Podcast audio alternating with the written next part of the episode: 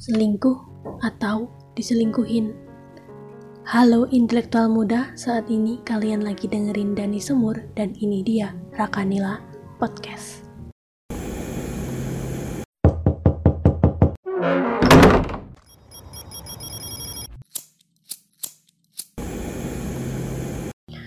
Intelektual muda, tadi di awal Dani udah kasih bocoran nih kalau di podcast kali ini Dani bakal ngebahas tentang selingkuh atau diselingkuhin. Kalian pernah gak sih dapat pertanyaan dan suruh milih antara selingkuh atau diselingkuhin? Jujur, gue sampai saat ini kalau dapat pertanyaan kayak gitu juga pasti bingung jawabnya. Di satu sisi, gue gak mau jadi orang jahat yang ngehianatin pasangan gue, orang yang gue sayang, dan orang yang gue cinta. Gue gak bisa bayangin kalau ngeliat orang yang gue sayang sakit hati, kecewa, sedih, dan terluka karena pengkhianatan gue. Tapi di sisi lain, gue juga gak bisa nerima kalau ternyata orang yang gue sayang berkhianat di belakang gue. Pusing kan mau milih yang mana? Sama gue juga. kalau sekarang kamu lagi dengerin ini, kamu, ya kamu, gue harap lo gak bakal ngakuin hal jahat itu di belakang gue. Kalau kamu nanti nemuin orang yang bisa ngebuat kamu lebih nyaman daripada aku, gak apa-apa, asal kamu selesaiin dulu hubungan ini. Hmm, jadi sedih ini gue. Selingkuh. Apa sih yang terbesit di benak kalian saat dengar kata selingkuh?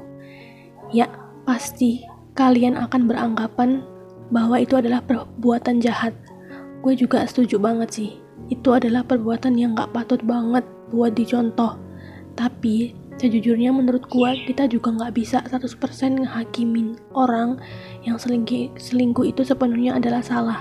Bisa aja selama ini kita selalu mencoba menjadi yang terbaik buat dia, tapi kita lupa untuk menjadi orang yang menyenangkan buat dia.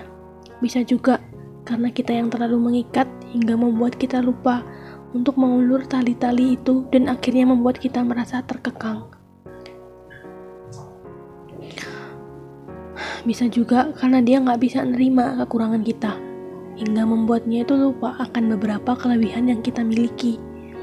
Dan kalau ternyata kita udah jadi pasangan yang baik, tapi pasangan kita tetap selingkuh. Nah, kalau itu bisa jadi karena pasangan kita aja yang nggak bisa nerima kurangnya kita.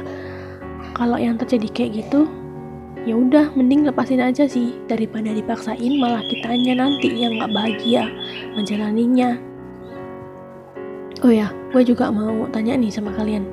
Menurut kalian, kalau ada orang yang selingkuh itu, yang salah siapa sih? Pasti kalian punya pendapat yang beda-beda sih. Tapi kalau gue pribadi, dua-duanya itu salah. Mau itu orang yang selingkuh atau si penggodanya, itu juga salah. Kadang-kadang suka denger alasan pihak penggoda yang katanya, gue nggak menggoda cowok lo ya, cowok lo aja yang deketin gue duluan Iya gue tahu, tapi lo juga salah kalau diiberatin orang yang selingkuh itu tamu yang mau berkunjung ke rumah orang dan penggodanya itu yang punya rumah itu. Ya, si penggodanya kan bisa nentuin mau ngebolehin si tamu itu untuk masuk ke rumahnya atau enggak. Kalau si penggoda ngebolehin ya otomatis dia juga salah. Kan keputusan sepenuhnya ada di tangan si penggoda itu juga kan. Makanya itu gue berpikiran kalau dua-duanya itu juga salah Terus yang bikin gue heran, kok bisa ya sesama cewek gitu tega menyakitin perasaan cewek lainnya. Coba deh kalian kalau mau berbuat jahat kayak gitu mending posisiin diri kalian itu sebagai orang yang bakal kena dampaknya dari perbuatan kalian itu sendiri. Pasti kalian juga bakal berpikir dua kali buat ngelakuin hal jahat itu. Itu sih yang gue tekanin selama ini di, di, di diri gue. Oh ya, uh, banyak kan yang bilang kalau selingkuh itu enak. Kalau menurut gue sih itu adalah kata-kata jebakan yang biar kalian itu mau masuk ke jurang yang sama gitu. Jurang penderitaan. Iya jurang penderitaan. Buat kalian yang terbesit di pikiran pengen coba-coba selingkuh karena termakan omongan itu jangan pernah deh buat nyoba hal itu. Cukup posisiin diri kalian sendiri itu sebagai orang yang diselingkuhin. Pasti kalian gak bakal deh ngelakuin hal itu karena kalian pasti tahu itu tuh pasti sakit banget kecewa sedih udah nggak bisa diungkapin deh gitu setia itu pilihan, selingkuh itu kebiasaan. Bagi orang yang udah pernah sekali selingkuh, pasti deh gue yakin ke depannya nggak menutup kemungkinan bakal selingkuh lagi. So, buat kalian semua yang lagi dengerin podcast ini atau lagi berada di situasi yang pernah diselingkuhin, jangan pernah ngasih tempat di rumah lo ke orang yang dulu udah pernah singgah ke rumah lo. Tapi pas udah ada angin ribet dikit dia langsung pindah rumah.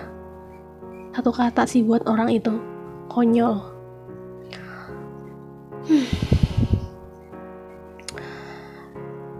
Buat penutup podcast kali ini, ada quotes yang menurut gue relate banget di situasi ini.